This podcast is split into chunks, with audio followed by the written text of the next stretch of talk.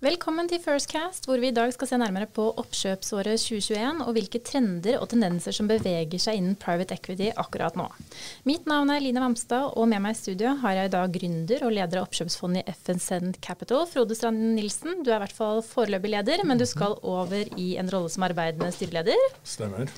Vi har også med oss Jarle Kvam, partner i advokatfirmaet Wiersholm, som for tiende på år i år da arrangerer Nordic Buyout Forum, som gir et innblikk i trender og retninger innenfor private equity. Og det skjer allerede i morgen, Jarle. Hva tror du kommer til å bli den store snakkisen på årets konferanse?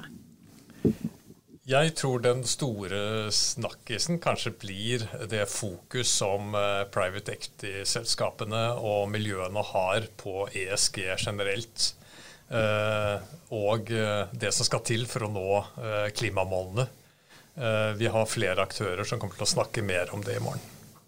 Frode, FSN Capital de forvalter jo i dag om lag 35 milliarder kroner gjennom fond. Hvordan vil du oppsummere oppkjøpsåret 2021? Det har vært veldig aktivt.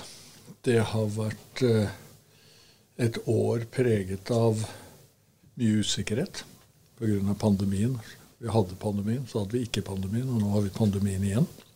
Hvordan det slår ut på selskapene. Eh, det har eh, vært et år hvor eh, våre ledergrupper har jobbet veldig konstruktivt. Så vi har aldri hatt bedre resultater i porteføljen enn det vi har i 2021. Og det samme hadde vi i 2020, så det har vært en veldig bra periode her, selv med en vanskelig eh, makroøkonomisk situasjon. Men det er mye pga. at vi har styrt klar, enten flaks eller kløkt, klart å styre unna alt som har med reise, reiseliv, hospitality å, å gjøre. Hvis man ser på transaksjonene som Frode nevner her, Jarle, hva, hva syns du har vært de mest eh, spesielle? Nei, vi, altså det, det, vi ser globalt, er jo et uh, record uh, high uh, aktivitetsnivå på M&A-området. Og ser du liksom på industrier, så er det TMT-sektorene som dominerer på investeringssiden. Og så hvis du spør meg om enkelttransaksjoner, så eh, er jo spørsmålet om du tenker på globalt eller i Norge. Eh, det blir jo litt preget av kanskje også hva man selv har vært involvert i. Men det har jo vært eh, veldig mange spennende transaksjoner også i Norge. Hvis du skulle velge én, du får velge fritt fra hvilken hylle du vil? Nei, altså Da må jeg jo velge en jeg selv har vært involvert i, nemlig det å representere SalMar når de skulle lage et joint venture med Aker. Eh, jeg syns det er en veldig spennende industritransaksjon og, starten på liksom et nytt norsk lite industrieventyr, hvor man håper å, å bygge eh, offshore-installasjoner egentlig globalt etter hvert. Og man er helt i startfasen av, av det. Og der kommer jo litt uh, dette med investeringer er i bærekraft inn. Og du nevnte det jo innledningsvis, Jarle. Men hvordan påvirker dette sentimentet, altså den EUs taksonomi, økt uh, fokus på bærekraft, ESG, deres investeringer uh, i FSM?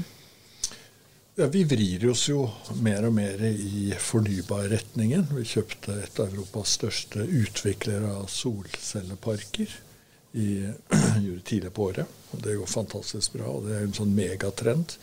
Um, vi har en egen gruppe som bare arbeider mot den tematikken uh, i øyeblikket, og der vil vi se flere transaksjoner.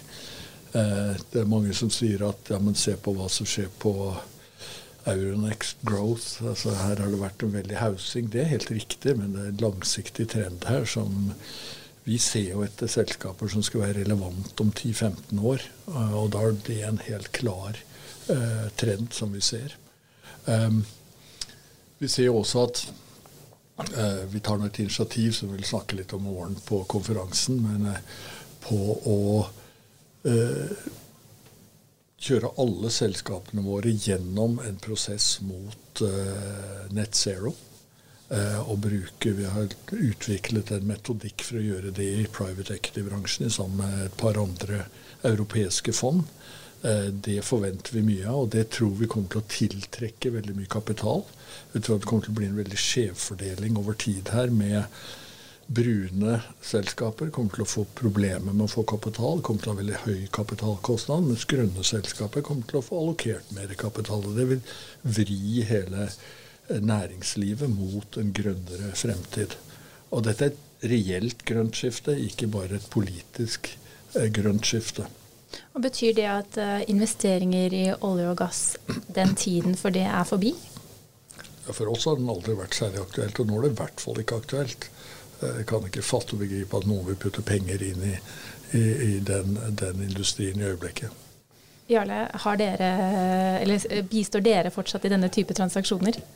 Ja, ja, vi gjør jo det. Og så kan man si at den, eh, den, industrien representerer jo en ganske stor og viktig del av norsk næringsliv fortsatt. Det er jo fortsatt den største industrien i Norge eh, innenlands eh, foran bygg og anlegg. Og, og eksportnæringen, ja, det er den største eksportvaren vi har også. Så det er klart at det å kutte den industrien fra den ene dagen til den andre er ikke så lett, så man må ha en gradvis overgang. Men vi ser jo eh, globalt også at oppkjøpsmultiplene, altså eh, price earnings eh, og EBTA-multiplene på eh, kjøp av den type selskaper har falt og ligger lavere enn det man ellers eh, generelt ser i markedet. og eh, man kan jo ikke sammenligne det med de multiplene man ser på TMT-selskapene i dag. Men Frode, du vil jo ikke ta i dette med ildtang, forstår jeg. Men, men hvor, altså, hvilken rolle vil aktivt eierskap da ha i denne overgangen til et lavutslippssamfunn? Jeg tror det var ganske interessant du så på Larry Fink på COP26. Han sa at det er mer enn nok kapital i verden til å løse dette grønne skiftet. Det vi mangler, er the plumbing. Altså hvordan skulle få kapitalen allokert til de riktige prosjektene. Og der er jo private equity en veldig sentral del av den plammingen. For vi ser ting, vi ser trender, og så allokerer vi, så investerer vi mot de megatrendene. Uh, så, uh, så, for oss er det absolutt i høyeste grad altså det å investere i, i brune selskaper og brune sektorer, det ser vi som veldig uh, risikofylt. For jeg tror personlig at dette kommer til å gå mye raskere enn det politikere uh, og bransjen i Norge tror. fordi at uh, det som vil tvinge seg frem her, er en form for karbonskatt. Om det skjer om fem år eller om det skjer om ti år. Men det, det, er nødt til å komme. For det er den eneste måten man Det å få folk til å betale for det det koster å forurense, det, det er den eneste måten du løser denne klimakrisen på, hvis du klarer å gjøre det i tid. Og da vil, du, da vil det være veldig vanskelig å sitte i brun, brune sektorer, og det vil være veldig lønnsomt å sitte i grønne, grønne sektorer. Vi ser jo, og det ser sikkert dere også, at mange av de som har, uh, har, ledet an innen olje og gass, også er de som nå leder an i denne fornybare satsingen, i hvert fall blant de store selskapene. Uh, det, hva er deres tilbakemeldinger fra transaksjoner dere bistår på, eller kunder, uh, Jarle? Nei, Det er jo ikke et uh, helt lett spørsmål, men det er riktig som du sier at man ser jo at uh, det skjer utvikling hvor mye av den teknologiske kunnskapen som kanskje ligger innenfor den sektoren, da, går over til andre næringer som kan nyte godt av den. Og Et eksempel er jo dette med som vi var inne på, eh, oppdrett til havs, hvor eh, kompetanse for å bygge de installasjonene eh, er typisk noe du vil finne hos de aktørene som har bygget oljeplattformer og installasjoner til havs som krever at man står imot store påkjenninger over tid. og det er klart, Skal man bygge slike installasjoner til havoppdrett, så må man trekke på eh, selskaper og, og, næring som har den kompetansen. Så Sånn sett så er jo håpet at man kan bruke den fantastiske kompetansen som ligger i de selskapene, over eh, i det grønne skiftet og annen næring. Vi var så vidt inne på at det har jo i år også vært en noteringsbølge. Riktignok så var den sterkere i første halvår. Jeg tror vi fikk 48 eh, selskaper på børs her i Norge i første halvår. Eh, Er dette med så mange børsnoteringer en konkurrent for PE-fondet, eller ser du det som en mulighet i lys av at mange av de nynoterte har svært liten aktivitet eller har falt kraftig etter notering? Det var jo i aller høyeste grad en, en, konkurrent. Det var den største konkurrenten vi hadde her en periode. For veldig mye av det vi så på, det gikk på børs. For det fikk en så fantastisk prising. Altså Vi så på et selskap som vi priste to milliarder, det gikk på børs for fire milliarder, og så gikk det rett opp til åtte milliarder. Eh, hvordan de tallene, regnestykkene, henger sammen, vet ikke jeg, men, men, det var markedet som drev det i, i veldig stor grad. Eh, så er det liksom to ting å si om det. Det ene er at det er selskap som gikk på børs, som trengte kapital, og som sannsynligvis hadde mye lengre rullebane frem til å tjene penger enn det man kanskje eh, trodde. Hvis du ser litt stort på det, så er jo det veldig bra at de selskapene fikk så mye kapital som de fikk. Og det vil gjøre at kanskje flere av disse selskapene vil overleve enn, enn hva som ellers ville vært, eh, vært tilfellet. Og så kan du si at på den andre siden så er det veldig mange investorer som nå har brent seg. Og som kanskje skyr litt fornybar og, og, og eh, investeringer fremover. Så hvordan det kommer til å spille ut. Men vi prøver å se rett igjennom det. Vi regner på det fundamentale. Det fundamentale er cashflow fremover. Hvor mye cash klarer disse selskapene å generere over tid. Jarle, tror du vi kommer til å se at noen av disse nynoterte selskapene blir eh, plukket av børs av eh, PE-fond som eh, vil realisere mer verdier? Ja, helt sikkert. Og i anledning Nordic Bioforum i morgen så gjorde du en opptelling faktisk på mange noteringer som har vært i 2020 og 2021 på Euronext Growth. Og det er i Norge 106 totalt de uh, to årene så langt. Og det er et ekstremt høyt antall hvis du ser også i europeisk uh, sammenheng. Uh, Sverige har riktignok flere, men, men, vi er jo også et mye mindre land og et, en mindre økonomi sånn sett. Um, hvis du tar bort olje i hvert fall. Uh, uh, og jeg tror helt sikkert at vi vil se uh, oppkjøp av de selskapene etter hvert. det er jo ikke sikkert at alle disse selskapene har funnet sin riktige herre, egentlig. Fordi, som Frode var inne på, det er tilgang til penger. Men Ofte så vil jo f.eks. PE-selskapene tilby mye mer. Altså Det de er fantastisk gode på, det er jo det aktive eierskapet. Profesjonalisere selskapene og sitte tett på ledelsen og sørge for at selskapene blir profesjonelle hele veien igjennom. Og det får man jo ikke på tilsvarende vis til når man uh, sitter på børs uh, med langt større avstand til eierne, som kanskje har gått inn med uh, i første omgang et finansielt motiv. da. Så jeg tror at det er nok ikke alle de selskapene som, hvis man ser seg i bakspeilet, har valgt riktig, men det blir spennende å se. Vi ser også at det har vært en altså, det er en vanvittig tilflyt av kapital i private equity-fondene i Norge og globalt. Eh, jo, hva, hva, hva, tror du er det som driver denne tilflyten? Frode? Nei, Det er jo mangel på yield i store på at liksom, Store pensjonskasser eh, og forsikringsselskaper for den slags skyld, de har jo nå, lider jo nå en ganske enorm underdekning på sine forpliktelser. Så de er nødt til å få opp sin avkastning, eh, skal de klare å gi sine beneficiaries det de har lovet de skal få. Eh, og det er et stort problem i veldig mange land. Og, og, da ser de at når de titter fremover nå Nå har de vært igjennom disse ti år med fantastisk utvikling på børsen, så der har de fått høy gild. Men når de titter fremover nå, så tror jeg de fleste rasjonelle investorer ser at avkastningen på aksjer og obligasjoner kommer til å være langt mer moderat i de neste tiårene enn det det var i de forrige, det forrige tiåret. Eh, og da er de nødt til å lete med lys og lykte etter hvor kan de finne, finne meravkastning. Og da går de typisk til disse private markeder. For det private markedet er mer eh, mindre effisient enn børsmarkedet. Eh, og med aktivt eierskap så kan vi skape såkalt alfa mer konsekvent enn enn en det man klarer å, å, gjøre på børsen. Det er veldig vanskelig gjennom et aksjefond å få noe særlig meravkastning.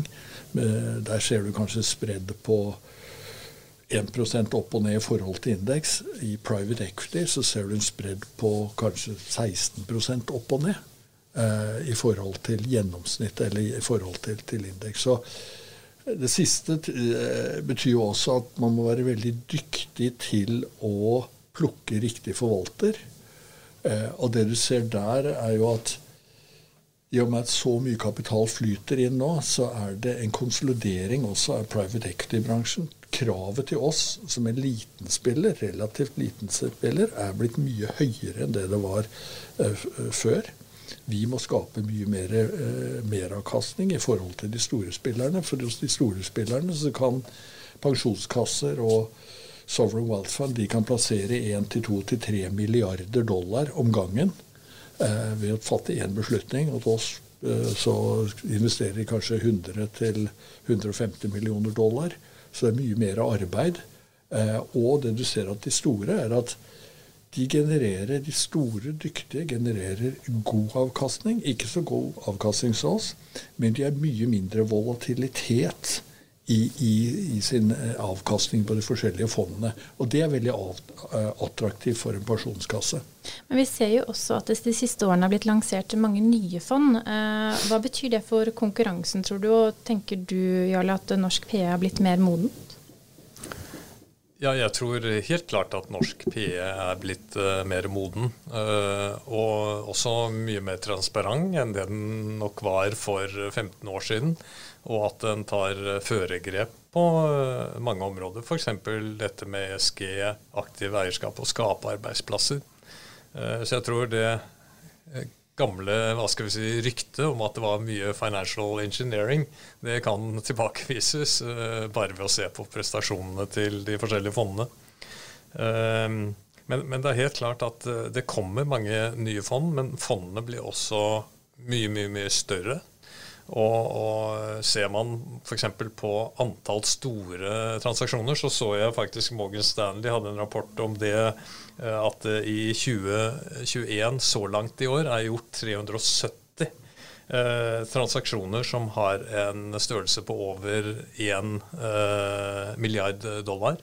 Eh, mens det tilsvarende tallet i 2020 det var eh, langt, langt lavere. Eh, nede på 100 og noen. Så det er en økning både i megadeals og, og mer penger som kommer inn. og det gjør jo at uh, multiplene stiger, for det er mer konkurranse for de gode targetene.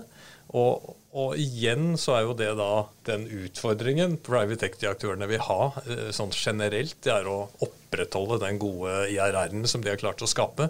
Og man ser jo også at den uh, gode IRR-en har falt lite grann de siste faktisk 20 årene. men det er stadig vekk noen tier 1-fond som utmerker seg. og de har jo også FSN vist at de er gått opp på 30-tallet eh, historisk med sine investeringer. Eh, men det er klart det blir tøffere konkurranse, og det skal mer til å klare å levere de eh, super-returns, eh, tror jeg, framover. Det, det, det, det, der er litt interessant, for det som skjer med disse store selskapene, særlig de som går på børs, eh, det er jo at det er ikke nødvendigvis avkastningen som driver de lenger. Altså, det er bare snakk om å ha god nok avkastning. Ikke, vi må makse avkastning for å få penger. Men hvis du er stor og du produserer, liksom, leverer jevne eh, resultater godt under det vi gjør, så får du penger uansett. Og det som driver disse store børsnoterte private equity-selskapene, det er management fee, ikke carry, som er det som driver vår økonomi. Og da er det bare snakk om å hvor mye assets under management kan vi karre til oss? Så de har fantastiske fundraising-maskiner som henter inn enormt med kapital. Den kapitalen må plasseres ut, ellers så eh, løper den ut. Eh, og da må de bare sørge for at de får god nok avkastning. Så liksom optimal avkastning, ikke maksimal avkastning. Og det er det som driver mye av den type, altså de tallene som Jarle nettopp nevnte, at det er liksom 370 transaksjoner over 1 eh, milliard dollar. Det er nok mye pga. at disse pengene brenner jo i lommene på disse store, store fondene. Altså, forståelig nok. ja, forståelig nok. Og, og, det er det som jeg sier at markedet i et børsnotert private ex-selskap Markedet klarer ikke å sette noe verdi på carrien, for er så, det er nesten en opsjon. Men de klarer utmerket godt å regne seg frem til hva management fee betyr. Og det er et gitt tall på en, et uh, visst antall dollar. Og det dollar til, det, det antall, den assets under management er et, et veldig greit begrep å, å, å regne på. Hvis vi skal se på litt utfordringer, hvis man kan kalle det det, så har vi jo da hatt et regjeringsskifte her i Norge i høst. Mm -hmm. eh, og eh, ja, hva skal man si? Hva tror dere i Wiersholm? Eh, vil det, eh, vil det få en påvirkning på norsk næringsliv og, og investeringsvilje her hjemme? Altså Det vil jo få en påvirkning, eh, og så kan man alltid diskutere eh, effekten av det. Men det er jo et faktum at eh, formuesskatten eh, er foreslått øket og, i, i, to trinn.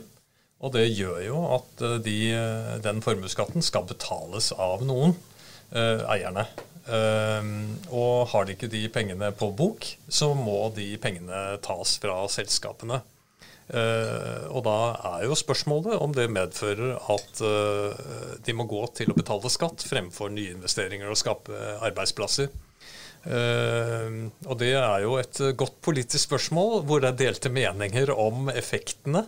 Så jeg skal ikke si for mye om effektene. Uh, men det er ingen tvil om at det, det er et faktum. Og så er det jo også det at utbytteskatten går litt opp, som også vil ha en effekt på næringslivet.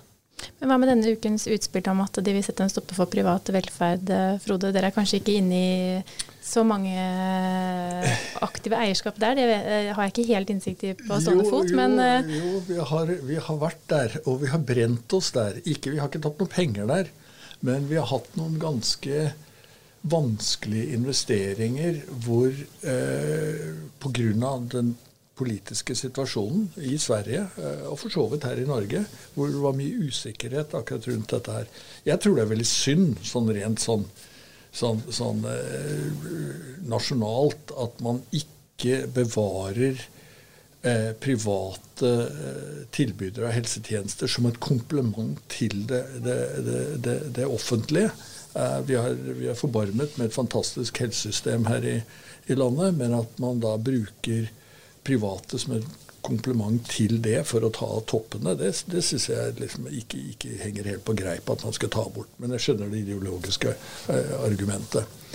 Um, vi opplevde Vi hadde eide Sveriges største yrkesskolegruppe.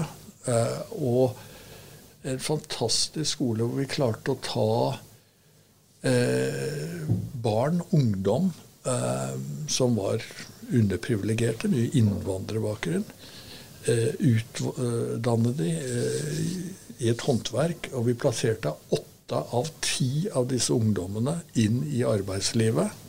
Eh, disse ungdommene ville ellers endt opp arbeidsledige eller på gaten. Det prøvde vi, og, og det var så vidt vi fikk lov å beholde konsesjonen pga. ideologisk diskusjon i Sverige. Det var veldig ubehagelig. Og politikerne var vel lydhøre for liksom at dette var et veldig bra system. Men ideologisk så ble det bare en prinsippsak at dette skulle, skulle de gjøre seg av med. Det skjedde ikke, og vi fikk solgt uh, virksomheten videre og tjente gode penger på den. Men jeg syns det er veldig synd at man skal eh, skape usikkerhet rundt et en, en, en, skole eller en helsetjeneste som er god, har god kvalitet, og som har en særdeles samfunnsnyttig eh, oppgave, og, og, la den drukne i en ideologisk debatt. Men det er nå hva det er. så vi, Etter det så har vi bare sagt det der er for høyt eh, stor politisk risiko, så det går vi ikke inn i. Da gjør vi et hopp til teknologi. Eh, vi har vært innom bærekraft, men vi ser jo at, eh, at det er stor grad av digitalisering som preger samfunnet nå. Og, og, i år ble både Oda og Cognite unicorns. Hvor viktig er det å nå en slik milepæl for et vekstselskap?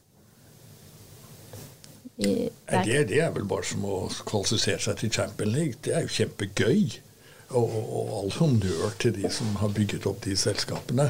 Om det betyr noe særlig. Jeg tror ikke det betyr noe for kapitalkostnad eller tilgang til kapital eller noe sånt. Det er mer en sånn hederspris. Eh, eh, men det, man, det, er jo helt fantastisk at vi får frem sånne selskaper i Norge. Er, eh, vi er et relativt lite teknologimiljø på global basis. og dette er fantastisk spennende. De har gjort en kjempejobb. Og det kan virke som en inspirasjon ja. eh, til andre. Eh, god, god, ambassadør. Men vi ser jo også at utenlandsk kapital strømmer til norske tech-selskaper som Softbank, Kahoot og Autostore. Er dette noe du tror vi kommer til å se mer av fremover? Ja, jeg tror den sektoren og eh, digitalisering vil være dominerende også fremover. Vi så litt på aktivitetsnivået, som sagt, eh, med antall transaksjoner i alle europeiske land. Og jeg tror det bare var i Italia at TMT ikke lå helt øverst på eh, target-listen. Der var det industri og chemicals eh, som eh, var dominerende, hvis man så på antall transaksjoner. Da må vi nærme oss slutten her, men helt, helt avslutningsvis med det dere har sett og erfart i 2021 og vet kommer, hva slags transaksjoner vil vi se blant norske PE-fond i 2022? Jeg tror vi ser mye mer hvithet, i hvert fall innenfor digitalisering, innenfor fornybar. Så vi gjør nesten ikke investeringer i liksom, det vi investerte i for 15 år siden lenger. Uh, vi ser mye mer på vekstselskaper, og da er du inne i teknologi, TMT, som Jarle nevner, digitalisering. ESG-ledere. Det i seg selv er, er eh, noe som investor er villig til å betale for, hvis du gjør det riktig. Selskaper som jobber med klimaspørsmål, vil få en helt annen prising enn selskaper som ikke gjør det. Eh, så den type ting vil du nok eh, se i hvert fall vi etter fremover. Og helse. Helse er et annet. Men da snakker jeg ikke om helsetjenester i Norden. Det er helt annerledes på kontinentet for øvrig. Der har man mye mer pragmatisk holdning til dette her. Så det er en helt annen politisk risiko. Men helseteknologi eh, f.eks. og helseselskaper Vi har akkurat kjøpt en contract manufacturer, altså som produserer for de store farmasiselskapene. Kjempe, kjempeinteressant selskap som er globalt, eh, med utgangspunkt i Tyskland. Har du noen avsluttende kommentarer, Jarle? Nei, jeg tror uh, Frode har dekket uh, det vi kommer til å se mye av i, i 2022 også. Da tror jeg vi får runde med at det var alt vi rakk for i dag. Takk til Jarle Kvam, som er med meg i studio, som er Frode Strand Nilsen, og for at dere begge hadde anledning til å være med. Og til du som hørte på, følg oss uh, gjerne, dvs. Si First House, på Facebook og LinkedIn, samt abonner på podkasten vår Firstcast på din foretrukne lytteplattform.